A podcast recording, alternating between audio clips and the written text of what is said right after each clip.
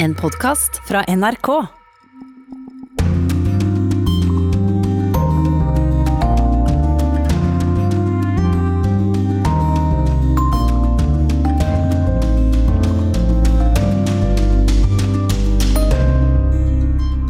Hvordan er det å leve i et land hvor det daglig meldes om nye rekorder av antall døde pga. koronaviruset?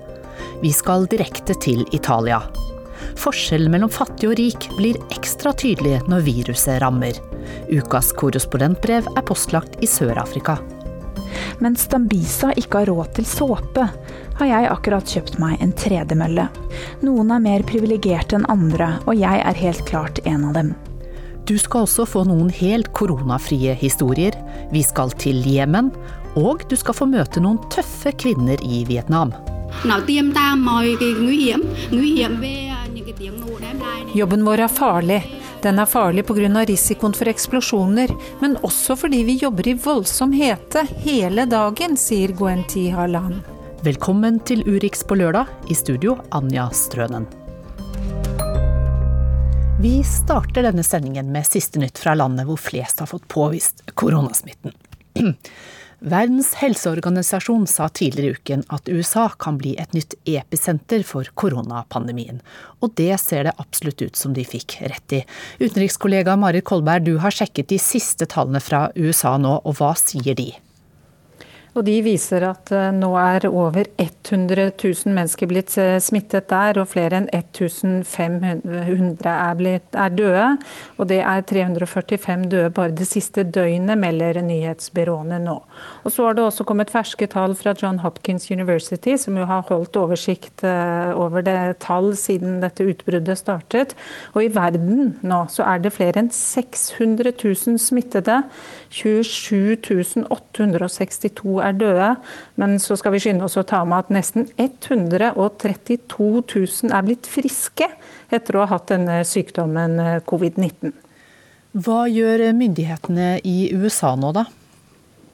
De har vedtatt en krisepakke på ikke mindre enn 23 000 milliarder kroner, som skal brukes til hjelp til firmaer og delstater.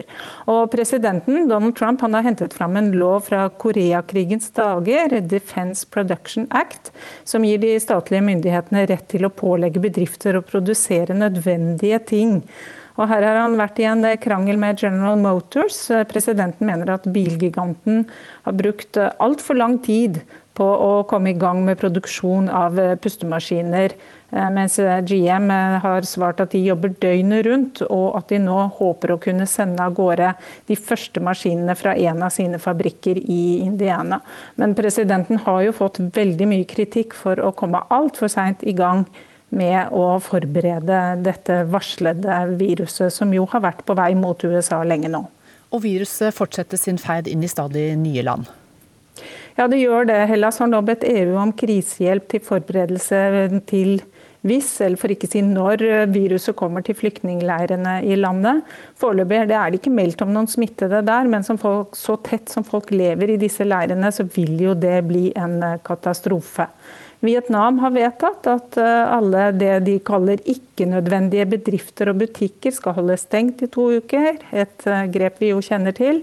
Og I India så er det meldt at så mange som 15 000 er satt i karantene der nå, etter at en guru som senere døde av covid-19, hadde reist fra landsby til landsby og snakket med folk. Men så går det jo riktig vei noen steder, da. I dag er det lov å reise inn i kinesiske Wuhan, der jo viruset har sitt opphav, etter at de har hatt to måneders eh, restriksjoner der. Og fra Kina så er det meldt om over 81 eh, 000 eh, smittede. og De er bare slått av Italia foreløpig her, her, i um, Europa med 86 000 smittede. Takk skal du ha, Marit Kolberg. Og det blir mer om koronasituasjonen i USA i podkastdelen senere i sendingen. Italia er det landet i verden som er hardest rammet av koronapandemien. Dødstallene nærmer seg 10 000. Militærkolonner som frakter kister med døde fordi det er fullt på krematoriene nord i Italia. En italiensk prest som dør av smitten fordi han takket nei til respirator i håp om å redde livet til en som var yngre. Det er ufattelig sterke historier fra Italia nå. Og der befinner du deg, Simen Ekern, journalist, forfatter og fra høsten av også NRK sin korrespondent i Brussel. Kan du beskrive hvordan det det oppleves for deg som bor i Roma nå? Det er veldig merkelige dager her eh, pga. de forferdelig strenge restriksjonene på, på, å bevege seg ute, selvfølgelig, så, så, er jo folk stort sett inne. Jeg kan bevege meg litt uh, ute fordi jeg har uh, pressekort, men å gå rundt i sentrum av Roma, uh, helt øde plasser, turistattraksjoner som vanligvis er stappfulle av mennesker, der er det ikke en levende sjel nå. Det er en by der den effekten av at menneskene er borte, blir eh, ekstremt eh, sterk eh, og tydelig. Og så er det alle de praktiske utfordringene, selvfølgelig. Man får ikke lenger lov til å jogge seg en tur i parken. Parkene er stengt. Supermarkedene har så lange køer fordi de bare slipper inn noen få mennesker av gangen. Så sist jeg var for å handle, så måtte jeg stå der i i to og en halv time. Så det, det er eh, en merkelig tid eh, i, i, Roma. Vi ser at tallet på smittede og døde i USA nå øker dramatisk. og Hva kan egentlig USA lære av Italia? Vel, Italia har jo insistert på at de eh, har gjort dette som best de kunne. At de var raskt ute med de strenge tiltakene for å, å, å hindre folk i å gå ut, og at det er veien å gå. Så det er klart det var det jo mange som, som, ikke lyttet til. Og så ser vi vel etter hvert at det er en del som ser at det kanskje eh, var en, en, en løsning. Da, selv om man jo fortsatt venter eh, i spenning i Italia på å se at denne kurven som alle snakker om skal begynne å gå nedover igjen. At antall smittede skal bli færre enn en, en dagen før. Men det er vel først og fremst det rådet vil være fra Italia. Da, at, at man er nødt til å gjøre dette raskere og strengere enn man, kanskje vil, selv om disse tiltakene jo naturligvis ikke er uten problemer i Italia heller. og Da snakker man jo særlig om, om økonomien. selvfølgelig Mange spør seg hvor lenge landet tåler eh, å holde på på den måten eh, som de gjør. Ja, for Statsministeren har bedt EU om økonom, et økonomisk verktøy tilpasset en krig. Det er ganske klar og tydelig tale, men, men, eh, de følte ikke akkurat at EU kom Italia i møte. Hva er reaksjonene på, på denne mangel på, på støtte? De minner jo litt om de reaksjonene som vi så under finanskrisa for noen år siden. Det er igjen dette skillet mellom Sør-Europa og Nord-Europa. En følelse av, i Italia da særlig, at landene lenger nord er arrogante. At de ikke innser at dette er en krise som må løses sammen. At de eh, sitter og venter og tenker kanskje er det best å la eh, disse landene eh, i sør finne ut av dette på egen hånd. Vi vil ikke risikere for mye av vår velferd for å redde eh, våre felles medlemsland lenger i sør. Så, så, det er sinne. Litt vanskelig å si foreløpig hvor eh, sinte man er i Italia, og hvor mye det er en forhandlingsstrategi. Men det er klart, det begynner å bli desperat, og særlig når vi ser innad i Italia. Situasjonen i Sør-Italia, der eh, økonomien eh, jo er enda eh, mer utsatt for det som eh, skjer nå. Veldig mange mennesker lever av den svarte økonomien. Eh, de mangler eh, tiltakene som kan komme fra staten. Og, og I dag har vi sett at ministeren for Sør-Italia advarer mot opprør. Det har vært væpnede ran av supermarkeder osv. Så, videre. så den sosiale faktoren er en, en, en bombe som venter på å eksplodere, advarte en italiensk minister i dag.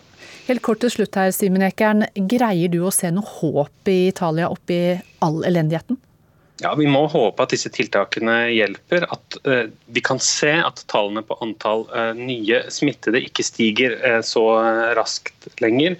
Og, og, og, Politikere i nord sier at de nå begynner å se at det kan hende at dette peker nedover. At det kan bli mulig da om ikke så lenge å, å skru ned på tiltakene og se om det lar seg gjøre å få i gang økonomien og, og få i gang Italia igjen, så man kan se litt framover etter veldig mange uker med bare dystre nyheter. Takk skal du ha, Simen Ekern, med oss fra Roma. Oppløftende er det også å se de fantastiske videoene fra italienere som holder motet oppe ved å synge fra balkongene.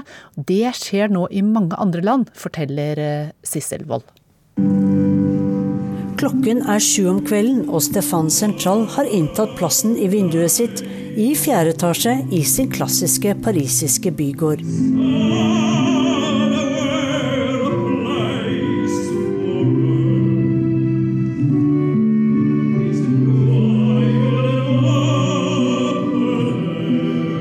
synger 'Somewhere' fra West Side Story, en sang om håp og et bedre sted å være.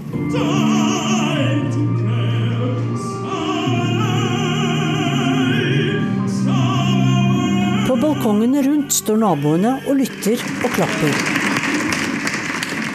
Jeg er ingen lege, sykepleier eller helt. Det eneste jeg kan, er å synge for å bringe litt glede. Og siden vi er stengt inne, så vil jeg åpne vinduet mitt og synge for naboene, sier tenoren. Nyhetsbyrået Reuters har fått en nabo til å filme Stefan Central hjemme. På kjøkkenet hans ser vi et lager av mat. Her er pasta, ris og linser, og det jeg trenger mest i isolasjonen, sier han og viser frem flere esker med tørrmat og hermetikk på det overfylte kjøkkengulvet. Og her, sier han, og går til et annet rom. Her er det berømte vinduet. På innsiden dekker blondegardiner vinduet, som han åpner og synger fra hver kveld. Operasangeren tenker mest på alle dem som jobber i sykehus verden over. Det første budskapet mitt er 'vær hjemme', for slik hjelper du alle legene og de som hjelper oss nå. Det andre er at selv i isolasjon kan vi vise solidaritet, for over hele verden lever folk i samme tragiske situasjon nå, sier operasangeren. På den andre siden av Middelhavet spiller Sayed Abu Hijle saksofon.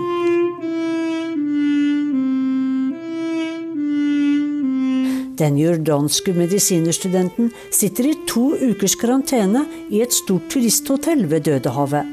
Der er hundrevis av jordanere plassert og isolert etter at de kom hjem fra utenlandsreise. Mange av dem er langt fra familiene sine.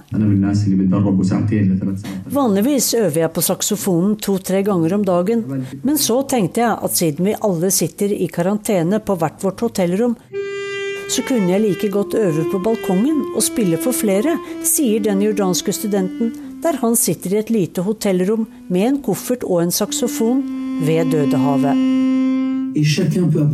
Ja, alle kan bidra med noe. Og jeg kan bidra med stemmen min, sier tenoren fra Paris.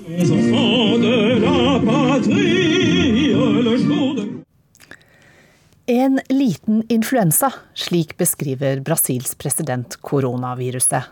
Han vil ikke ha tiltak som kan svekke økonomien, og nå sprer viruset seg i landet med 13 millioner mennesker i fattigkvartaler og mangelfullt helsevesen, forteller Arnt Stefansen fra Rio. Det er skjebnetid i Vigigal, et fattig kvartal med rundt 20 000 innbyggere her i Rio de Janeiro. En usynlig fiende er i ferd med å innta favelaen, som ligger i en åsside like ved den berømte Ipanema-stranda. Innbyggerne i Vigigal er vant til å kjempe for å overleve, men mot et ekstremt smittsomt virus som korona føler de seg maktesløse. Dessverre er dette en svært farlig sykdom, sier den 28 år gamle Genivaldo dos Santos, som er født og oppvokst i favelaen. Jeg er vettskremt når jeg tenker på hva som kan skje når dette viruset begynner å spre seg her, hvor vi er så ubeskyttet. Jeg tror det bare er Gud som kan redde oss nå, sier 28-åringen. 642 casos confirmados. Tallet på smittede skyter i været også her i Latin-Amerikas mest folkerike land. Det er en tid der dialog og gode løsninger er viktigere enn noensinne, men i stedet krangler de politiske lederne så busta fyker.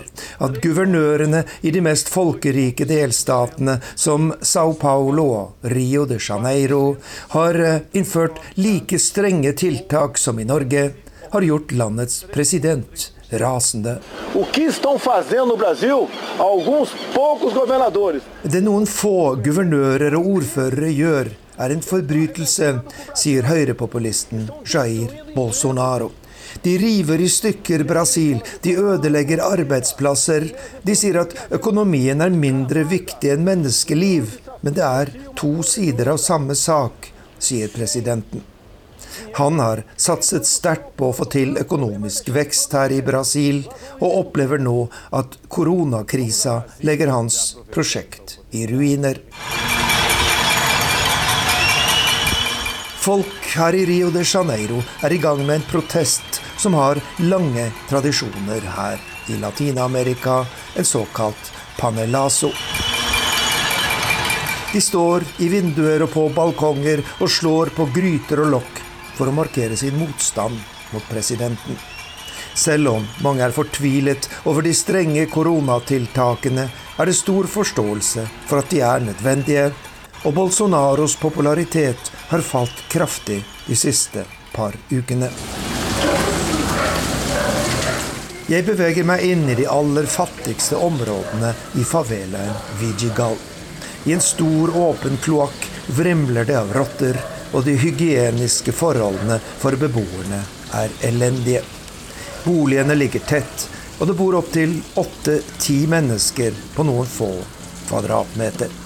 Her er det umulig å beskytte seg mot korona, og det er ikke å undres over at konspirasjonsteoriene florerer.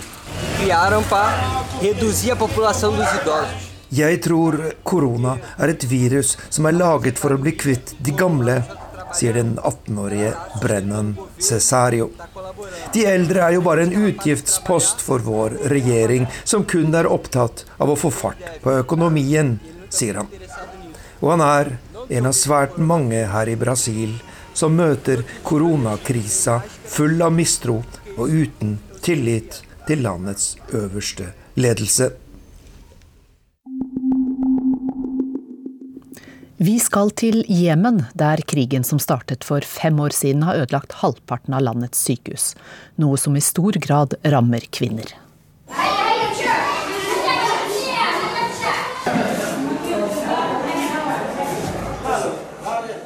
Det er trangt om plassen i et overfylt sykehus i Sanaa i Jemen.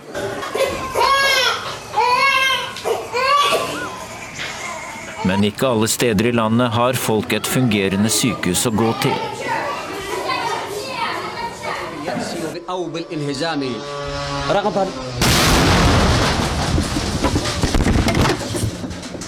Dette er en drone utstyrt med eksplosiver som treffer målet sitt og sprer lidelse og død.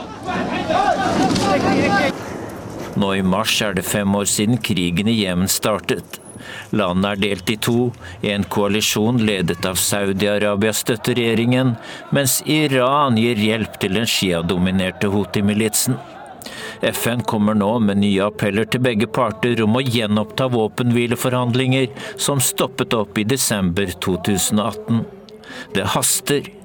FN vet at Jemens helsevesen ligger med brukket rygg etter fem år med krig. Landet vil ikke kunne takle en spredning av koronaviruset der. Også når det gjelder Jemen, er det ikke snakk om hvis viruset kommer. Det er snakk om når. Ifølge hjelpeorganisasjonen CARE er halvparten av sykehusene i landet ikke i bruk. Enten ligger de i ruiner etter krigshandlinger, eller så mangler de utstyr eller helsepersonell. According to the WHO, uh, World Health Organization, only 51% of health centers and hospitals are working in Yemen. Other one has been destroyed by war or abandoned. There is no staff. Rådgiver i CARE, George Nalenga, jobber tett på Jemen. Nylig var han på reise i regionen. Han sier at kvinner i Jemen utsetter seg for stor fare når de oppsøker sykehus og helsestasjoner. And then they will be attacked by bomb and then they will lose life.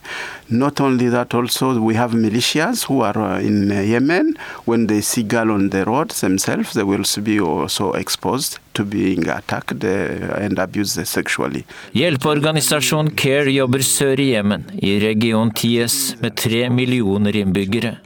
For å minske faren for at kvinner dør under fødsel hjemme, har CARE utdannet 40 lokale jordmødre og like mange andre helsearbeidere. Jordmødrene går på hjemmebesøk til fødende kvinner. Who are continuing, and those are mostly women, services, provide services at home. Jordmødrene er opplært til å gi mor og barn oksygen når det trengs, og de er trent til å stanse blødninger, sier Malenga i CARE. Born cannot breathe, then we call that suscitation. So then will be we have a, a midwife have a mask which can apply to the, the child until the child get uh, to breathe then. George Malenga sier at kvinner som blir utsatt for seksuelle overgrep når de beveger seg utenfor hjemmet, ofte blir ekskludert av familiene sine, og de får psykologiske problemer. So social exclusion and some of them may have even um, um, psychological problem and all those things we are trying to address it in providing some required services. CARE prøver å hjelpe kvinnene i Jemen så godt de kan, sa rådgiver George Nalenga til reporter Dag Bredvei.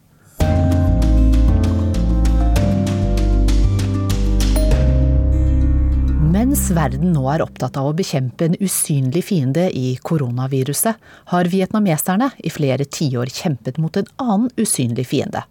En fiende som har ligget begravd i jorda siden Vietnamkrigen sluttet i 1975, forteller Marit Kolberg.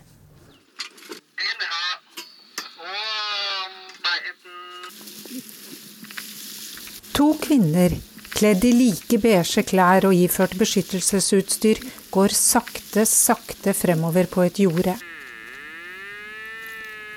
Mellom seg holder de en diger metalldetektor.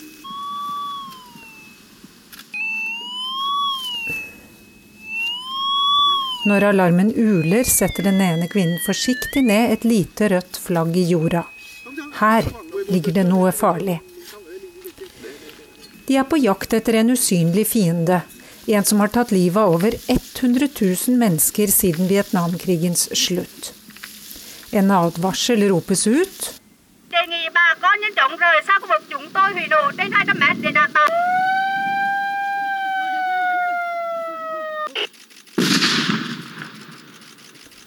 Og det som lå der i jorda, er blitt uskadeliggjort. Chúng tôi, những cô gái bom mình à, luôn luôn mạnh mẽ trong công việc và làm trong môi trường nữ giới thì cũng có Vi er landminejentene. Vi er tøffe på jobben, sier Gwen Thi Harlan til nyhetsbyrået Reuters. Og den jobben hun og utallige vietnamesere har gjort, er enorm. Men fremdeles er rundt 60 000 kvadratkilometer ubrukelig pga. landminer og andre eksplosiver som ligger gjemt under bakken. Ifølge vietnamesiske myndigheter ble det sluppet mer enn 14 millioner tonn eksplosiver over landet i løpet av Vietnamkrigen. Den begynte som et opprør i Sør-Vietnam og utviklet seg til en krig mellom nord og sør. Sør fikk støtte fra USA. Nord fikk støtte fra Sovjetunionen og Kina. Kambodsja og Laos ble også trukket inn, og over 2,5 million mennesker ble drept. Og etter krigens slutt har etterlatte eksplosiver, klasebomber og udetonert ammunisjon fortsatt å ta liv. Mange av de drepte er bønder som har forsøkt å pløye nytt land, eller barn som finner noe rart som de tror kan være leketøy. Og minijentene jobber for å gjøre landområdene trygge. Công việc của bọn em là thứ nhất là rất là nguy hiểm, nó tiêm ta mọi cái nguy hiểm, nguy hiểm về những cái tiếng nổ đem lại. Jobben vår er farlig. Den er farlig pga. risikoen for eksplosjoner, men også fordi vi jobber i voldsom hete hele dagen, sier Gwen T. I sola kan temperaturene komme opp i over 40 grader. Hun jobber i en provins som heter Quan Tri, som ligger sentralt i det lange landet. Her gikk grensen mellom Nord- og Sør-Vietnam, og området er trolig den delen av landet som ble mest bombardert. De lokale myndighetene anslår at så mye som over 80% av landområdet her var kontaminert, farlig og ubrukelig. Det er en ære å gå med denne uniformen. Selv om det ikke er noen vakker kjole, er vi stolte langt nede i hjerterota fordi dette er en så viktig jobb, sier Lan.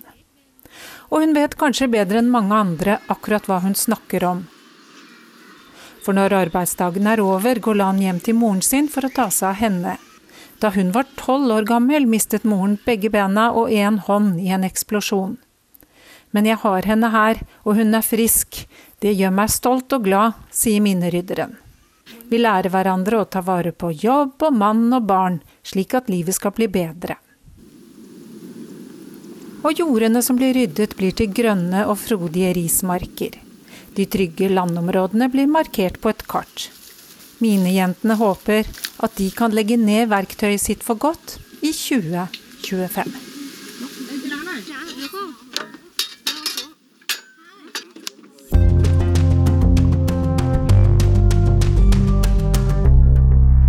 Ukas korrespondentbrev er postlagt i Sør-Afrika. Landet som har flest koronasmittede i Afrika, er stengt ned i 21 dager for å unngå smitte. Og Afrikakorrespondent eh, har fått erfare at forskjellen mellom rik og fattig blir ekstra tydelig når viruset rammer landet med de største sosiale ulikhetene i verden. Det føles uvirkelig når jeg åpner øynene og tasser fram til vinduet med utsikt over Cape Town.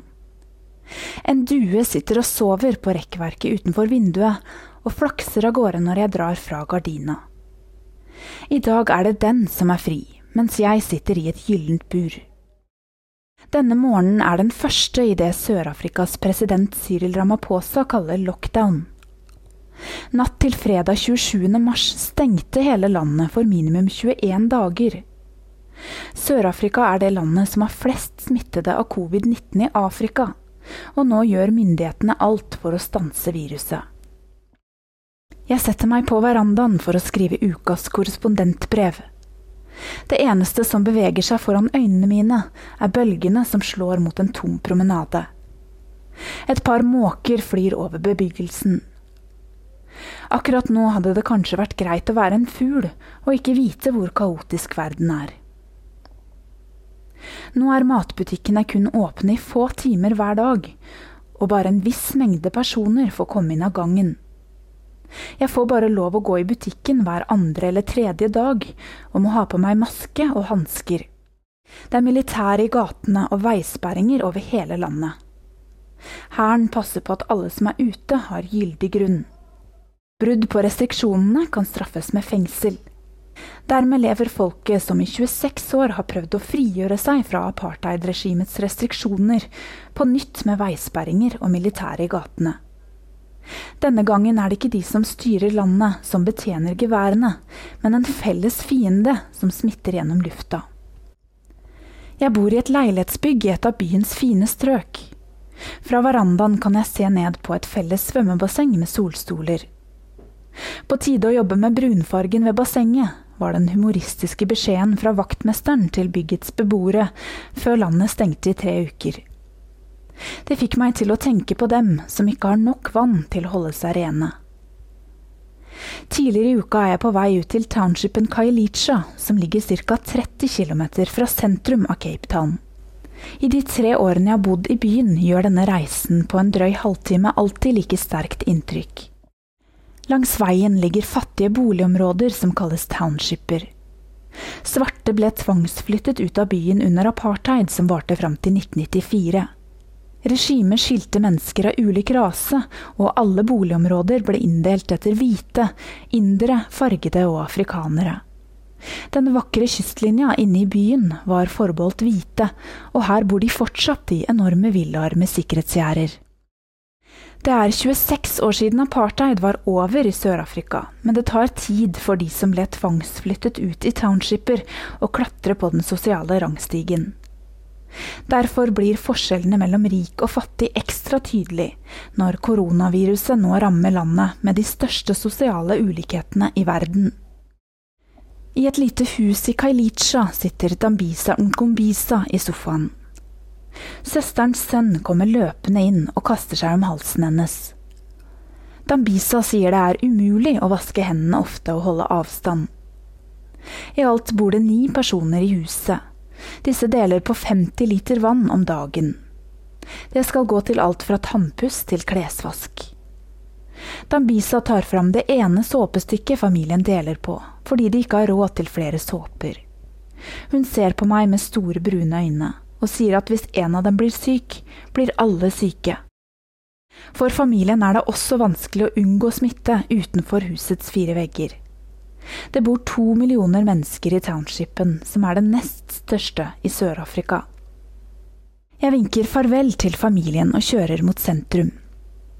Rader av palmetrær står som en portal mellom den harde virkeligheten på den ene siden og et liv med innlagt vann og vin i glassene på den andre. Etter hvert ser jeg færre mennesker i fillete klær som bærer eiendelene sine i en søppelsekk på ryggen, og flere i pene bluser med håndveske. Noen dager senere står jeg på et tomt gulv i en av Cape Towns sportsbutikker og spør en butikkansatt om de har flere tredemøller. Han svarer at hele byen er utsolgt for tredemøller og spinningsykler. Det er visst flere privilegerte mennesker som har tenkt som meg. Febrilsk begynner jeg å ringe rundt til andre butikker. For hva skal jeg gjøre dersom jeg blir sittende helt stille i 21 dager? Mens jeg står i telefonkø for å spore opp en tredemølle, ser jeg rundt meg i sportsbutikken. Foran meg står et stativ med treningsutstyr som er i ferd med å tømmes av hvite, velkledde mennesker med handlekurv. Alle vektene er utsolgt, så nå går folk løs på det som er igjen. I kaoset glemmer kundene å holde avstand til hverandre for å unngå smitte. De stapper hoppetau og treningsstrikker i alle farger ned i handlekurvene, som om det skulle vært epler og pærer på tilbud.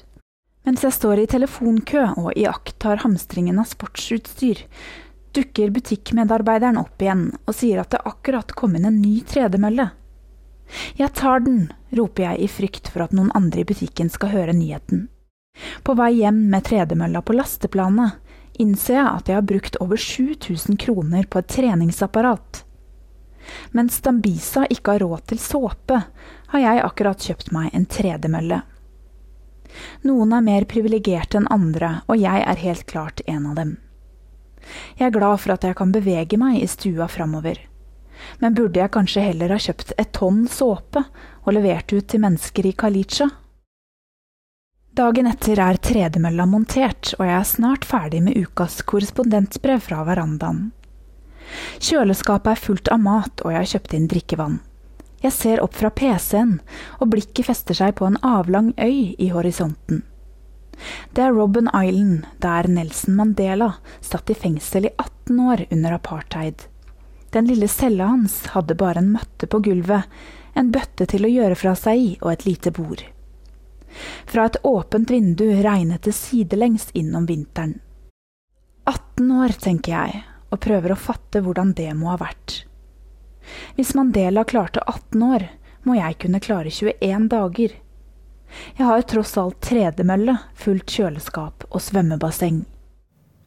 Det fortalte Afrikakorrespondent Ida Titlestad Dalbakk.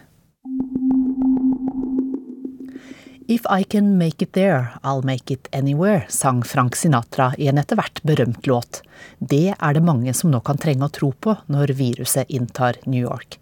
Det er tid for ukas podkast Krig og fred.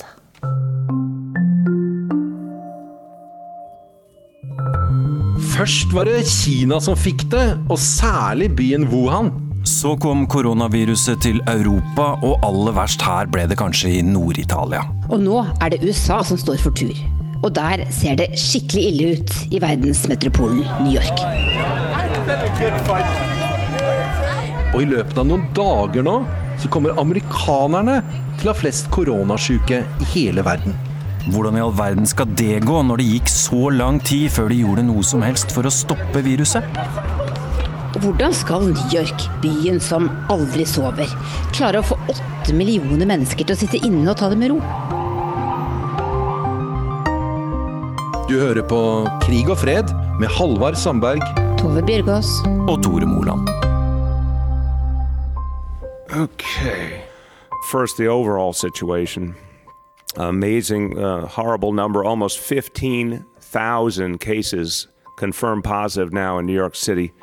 14,776 is the exact number, but that number keeps changing, obviously.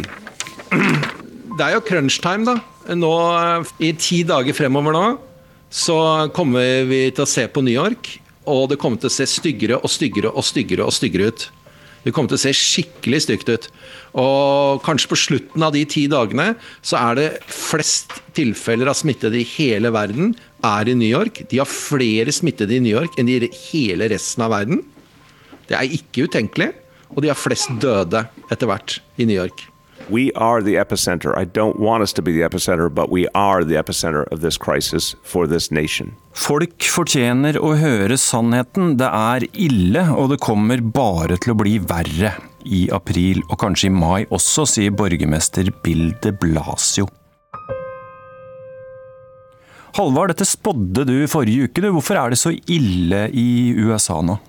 Fordi at du, de testa ikke. De testa overhodet ikke. Og da visste alle at smitten gikk rundt og luska ved hushjørnene, oppe i leilighetene og i kinosalen og på restaurantene. Men det var ingen som kunne se det. Det var liksom som det var en million zombier som gikk rundt i New York, men ingen hadde lys slik at de kunne se dem. Og da, med en gang de har fått på lyset nå med å teste, så er plutselig alle zombiene der. Og det er, ser skikkelig ille ut. Ja, hvorfor er det New York som er verst stilt? Det er ikke alltid New York. I alle katastrofefilmer og sånt, så er det alltid New York. Meteoritten og romskipene og sånt noe, og smitte. Nei, altså, det er, Den bor tett, og det var en eh, skikkelig sånn uh, sammenstimling av uh, smittede der. Og um, når du ser på sånn kart om hvordan smitte ble transportert fra Kina, så uh, dukker det opp sånne hotspots rundt i verden. Sånn, sånn bing, Der kom en London, bing, der kom en Seattle, bing, der kom det liksom til München, Roma og så var det New York som bare sa bing, bing, bing, bing. Der må det ha kommet massevis. Og så har dette her fått lov til å vokse godt på seg, inntil de tok fram lommelykta.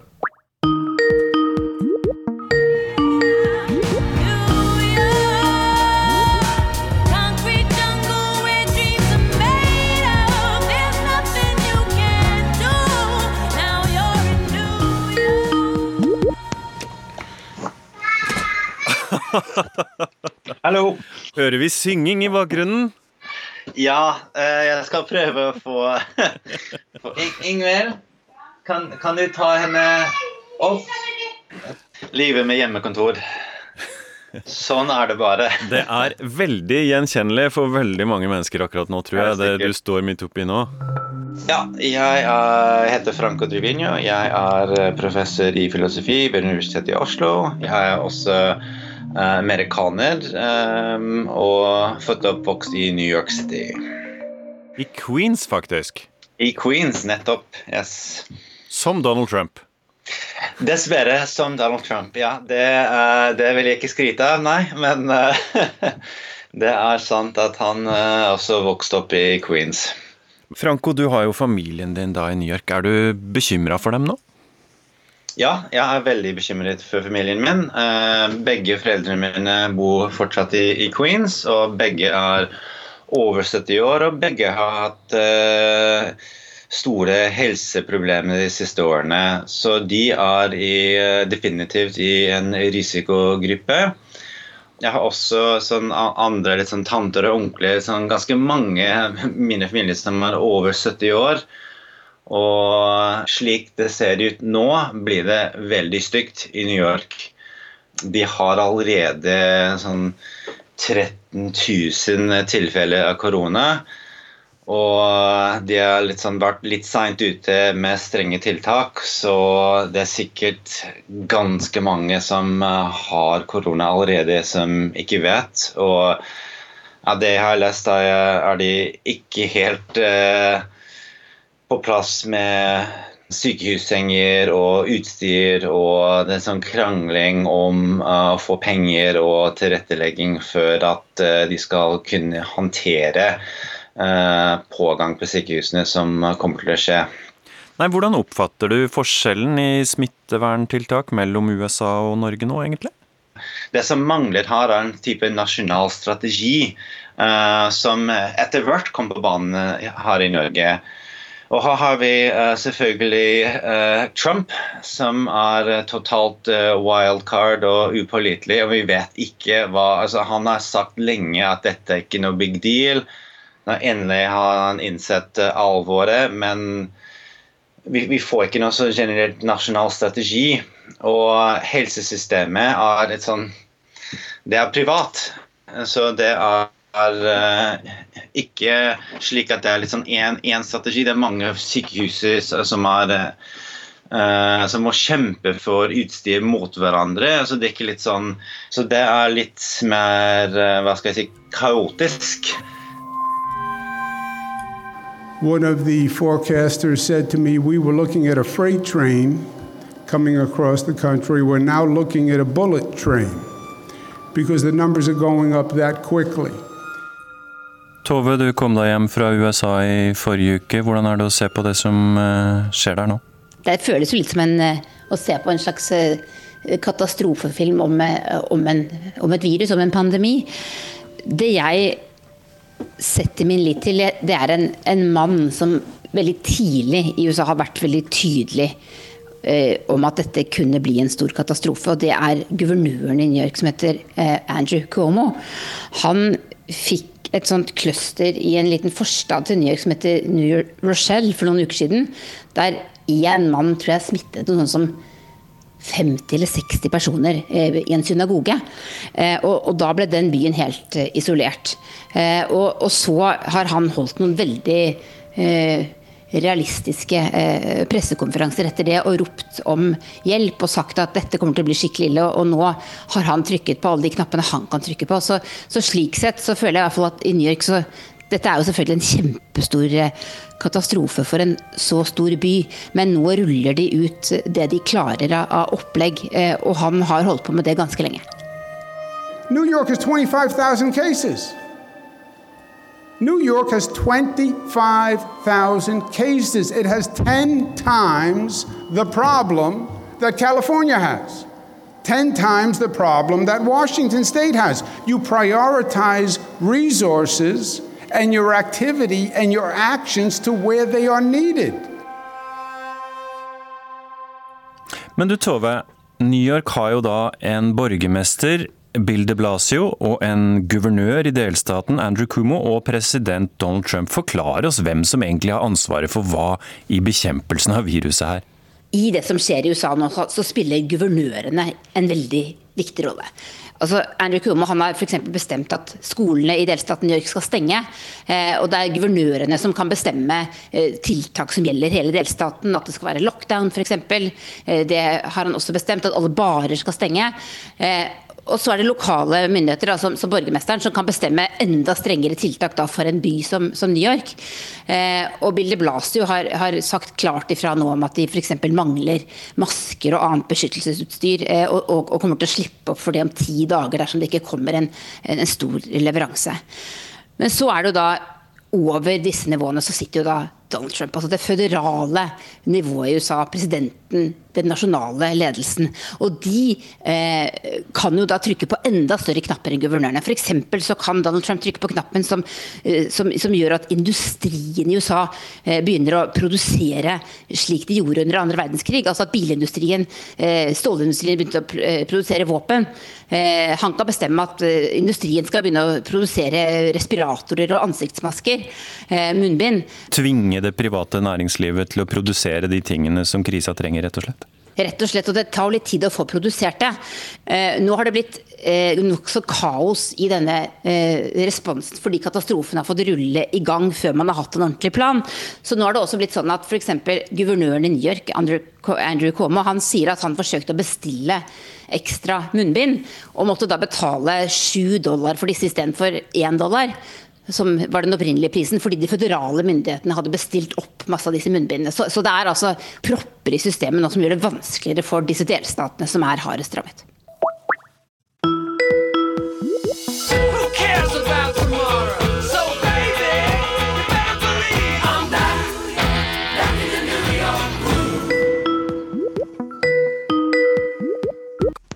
Kan Brooklyn ja. høre Oslo? I aller høyeste grad. Fortell oss hvem du er og hvor du er. Uh, Vegard T0 Aase. Jeg uh, sitter nå i bilen min for å ha flyktet fra to små barn med brakkefeber. Uh, og en kone, kanskje også med litt, med litt brakkefeber. Du sitter i bilen din, parkert på gata i Brooklyn i New York. Jepp. Tomme, tomme gater. Jeg sitter og ser på hagl og sludd Og eh, det eneste som beveger seg ute i gatene, er disse store, grå Amazon-leveringsbilene. Så det er stille. Forklar oss, eh, Vegard, hvordan eh, koronaviruset oppleves eh, i New York City. Jeg tror det har tatt veldig lang tid for at vi skal forstå alvoret. På en måte, Det å, å bo i New York nødvendiggjør jo at du, du, oppholder deg sammen med andre. Vi tar Subway til jobb, vi, vi oppholder oss i, i, i, i, trange kår. Vi lever veldig, veldig tett på hverandre. Så, så, jeg tror det tok veldig lang tid før vi forsto alvoret. At her måtte vi på en måte trekke oss litt tilbake. Her måtte, her måtte arbeidsgiverne gi oss lov til å, de som kunne i hvert fall, jobbe hjemmefra. Eh, vi må slutte å, å, å ta Subway og sånn som det. Så, så, det satt veldig langt inne. Som på en måte er, er, er forståelig. New York er en by som ikke er laget for sosial isolasjon det amerikanske systemet er et system som ikke er laget for at folk skal kunne jobbe hjemmefra. Vi har ikke et sosialt sikkerhetsnett på samme måte som Norge. Så, så på alle bauger og kanter så, så, er New York og til en viss grad USA et land som på en måte stritter imot de, eh, de nødvendige tiltakene som må tas. Da. Så det, det føles veldig virkelighetsfjernt. Jeg kjørte over Manhattan i går. Um, og krysset Broadway, og det var, det var, ikke en sjel i sikte. Som er et helt absurd syn. Det føles veldig postapokalyptisk, alt dette. Du, fortell oss, Vegard. Eh, hva skiller New York mest nå eh, mot normalen, eh, hvis det går an å beskrive det? Absolutt alt. Dette er en by som har flyktet innendørs. Det er en by som holder seg helt totalt isolert fra hverandre. I går så var jeg på butikken og fikk kjeft fra en person som mente at jeg ikke oppholdt meg eh, seks fot unna han. Så det er en by som er liksom preget av eh, veldig mye gjensidig eh, skepsis. En, en, by som på en måte er kjent for å være sosial, er nå et forferdelig asosialt og, og ensomt sted. Men Vegard Tenhold Aase, akkurat nå er New York City verst i USA, og noen spådommer er at om 10-15 dager kan det være verst i verden. Blir du redd? Um, jeg, jeg, tror man blir litt sånn desperat etter gode nyheter. Jeg er jo forholdsvis ung, og barna mine er unge. Og, men man blir jo redd for at man vet ikke hvordan dette skal ende. Så, så det, det, er ekstremt mye altså USA er rett og slett ikke klar for dette her uh, i, det, i, det, hele tatt. Det er vel kanskje ingen nasjon på, på, planeten som har vært klar for det, men jeg føler i hvert fall at USA er spesielt lite uh, rede for å, håndtere denne krisen. Perfekt York, konstruert for en katastrofe, hørte jeg at du hadde sagt. Det føles jo litt sånn. Så det å bli syk i, i, USA på en vanlig dag, i en vanlig situasjon, er ekstremt, en ekstremt stressende ting. Så, så nå er det bare det, det, det, er panisk. Folk hamstrer disse maskene, og nå driver sykehuset og trygler om at kanskje, kanskje de kommer og leverer dem på sykehusene istedenfor. Så det, enorme sprekker og enorme mangler i dette systemet. Som, er, som, som om noen skulle ha designet et system perfekt laget for dommedag. Let me assert my firm belief that the only thing we have to fear is fear itself. Nameless, unreasoning, unjustified terror. Tove, denne uttalelsen hadde du veldig lyst til å høre i dag. Forklar oss hva det er for noen ting. Ja, det er jo Franklin Delano Roosevelt eh, som sa dette etter at han ble president i 1933, var det vel han tiltrådte. Etter eh, at den store depresjonen hadde satt inn i USA etter børskrakket i 1929. Eh, og det han sier til amerikanerne, er at, de, at det eneste vi har å frykte, det er altså frykten. Nå må vi tro på at vi skal klare dette. Og så satte han i gang formidable offentlige tiltak som USA aldri hadde sett maken til, for å få folk i arbeid og for å redde økonomien.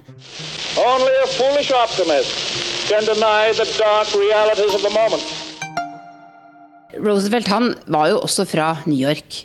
Og Cuomo har også, eh, Andrew Cuomo, guvernøren, har også sagt eh, ting som ja, Eller sitert Roosevelt de siste dagene. Og han vet at veldig mange amerikanere er veldig redde. Ja, Er det en slags eh, gjenklang av dette her nå? Der man på en måte frykter at dette kan være starten på en ny depresjon, rett og slett? Ja, det, det vil jeg si at det er. Folk er eh, veldig redde for at dette er på en måte finanskrisa og 9-11 pluss litt til på en gang. Eh, og altså Jeg kjenner mange som har mistet eh, vanlige folk som har tapt, allerede har tapt store deler av pensjonssparingen sin i det voldsomme børsfallet. Eh, og, og, mange mener jo at, at eh, den amerikanske økonomien vil, vil være helt smadra om dette for, fortsetter i, i, i måneder. I'm really happy with the job we're doing. And I'm glad that this team and me are here for this horrible thing. I mean, it's a number of people have said it, but, and I feel it actually. I'm a wartime president. This is a war. This is a war, different kind of a war that we've ever had. Men nå sier jo da president Donald Trump at uh, det er krig, og at han er en uh, wartime president. Er det gudfaren han siterer, eller? Nei, det er vel en eller annen Roosevelt, vel, han eh, prøver å være. Going for a while, but we win. We win. I said earlier today that I hope we can do this by Easter. I think that would be a great thing for our country, and we're all working very hard to make that a reality. Halvard, hvor mye har det hatt å si her at USA har hatt en president som først ikke ville anerkjenne at det var noen stor krisejemning i det hele tatt? Det har vært en del sånn undersøkelser av hvordan folk forholder seg til eh, krisen. Og eh, de folkene som sitter og analyserer sånn, sier jo at der mistet USA kanskje ti dager, kanskje 14 dager, hvor de ikke eh, virkelig handlet. Ja, Det Trump selvfølgelig er, er, er, livredd for, det er jo at den amerikanske økonomien skal kollapse. Og det er en helt reell frykt. For det er sånn at i USA så er det utrolig mange som nå bekymrer seg for hvordan de skal betale husleia i april. Det er så mange som lever fra hånd til munn. Eh, og, det, og det har fortsatt ikke kommet eh, eh, noen ordentlige hjelpepakker til folk. Folk skal få en sjekk i posten fra de føderale myndighetene, men det er fortsatt mange som ikke vet når den kommer. Eh, og, og eh, hva som ville skje med den amerikanske økonomien dersom den stenger ned i f.eks. tre måneder, det er det ingen som tør å, å tenke på. Da vil det bli eh, en depresjon, sannsynligvis. Sånn som den som USA opplevde etter børskrakket i 1929.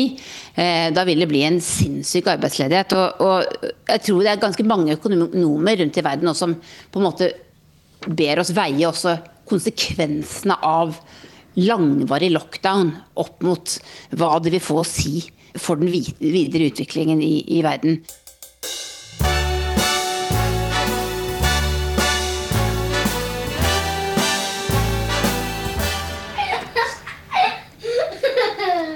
Har vi fått besøk på hjemmekontoret? Ja, har fått besøk på hjemmekontoret. Der. Hei, Freya og Odin. Hei, Freya og Odin. Jeg heter Kontoret. Og jeg er i kontoret. Jeg er sjefen til Halvard. Ja, du er sjefen min, Freya. Du er det. Ja, jeg er lei meg for den. Eh, da skal de, skal de ut og lufte seg. Det er veldig bra at de barna får lov til det fortsatt. Men det skjer jo ikke andre steder. vet du. Andre steder så får jo ikke barna lov til å gå ut. Hvordan blir det? Ja? Altså I New York, tenk deg det, de, har de, der, eh, de snakker om at de skal stenge lekestativene og noe. Det er jo sikkert noe som kommer til å skje snart. Altså Tenk deg alle de barna i New York som da ikke får lov til å gå ut av de der trange leilighetene. Det blir skikkelig vanskelig. altså. Men det er dit de er på vei. Altså Hvis du skal ha full isolasjon, alle må være inne for at de skal uh, kunne takle dette her, så er det det, altså. Ja, for nå kommer tiltakene i New York, Halvard. Ser vi noen effekt av dem? Det er det som er problemet. da. Du ser jo ikke det før ganske lenge etterpå. Det er sånn skyggespill, de greiene her. Altså når du, det er Pga. forsinkelsen i smitten. altså Du blir smittet, og så blir du sjuk etter noen dager. Og så smitter du noen nye etter noen dager, og så tar det tid før de da viser symptomer igjen. Slik at du, du har en sånn lag da, på dette her på kanskje opptil 14 dager. Kanskje mer enn det også. Og da blir det tiltak du gjennomfører nå, det ser du ikke effekten av før ja, før eh, da. Uh, om ganske mange dager. Så det er sånn ubønnhørlig matematikk, en sånn, der, sånn slem greie med dette her. At du må lide deg gjennom stormen før du ser at effektene dine, det du har gjort, har noe uh, virkning. Men at New York det, går i lockdown, det ser du noen tegn til? Det jeg ser nå, Tore, det er det at uh, folka i New York de har virkelig fatta poenget. altså. Altså fordi at uh, Amerikanerne er skitflinke til det der å sende ut uh, informasjon om fra satellitter og fra mobiltelefoner og gud jeg vet ikke hva. Altså. Og det du ser, er at det er helt sånn der eh, Helt slowdown. Det er virkelig sånn Alt går veldig sakte i New York. Bronx og Queens og Manhattan og de virkelig tettpakka stedene, så er det nesten ingen aktivitet eh, når du ser det på mobiltelefoner og biler og alt mulig. Så det har de gjort nå. Problemet er det at det de gjør nå, får de ikke payoff for, får ikke betaling for, før om kanskje 14 dager. Slik at de nå, i de neste dagene, så skal de da gjennom en sånn skikkelig storm av eh, smittetilfeller, som da har blitt dannet før de bestemte seg for at de ikke skal gå ut på gaten, ikke skulle gå i butikken og ikke gå på restauranten. Men hvis de klarer det der, da kan de klare det hvor som helst, egentlig?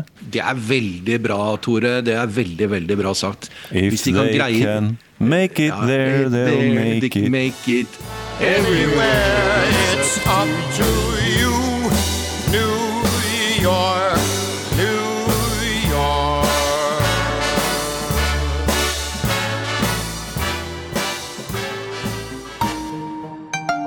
Du har hørt Krig og fred, en podkast fra NRK Urix. Lydregi var ved Hans Ole Hummelvold. Urix på lørdag er over for denne gang. Fikk du ikke hørt hele, skru på reprisen klokka 11 i kveld, da vel.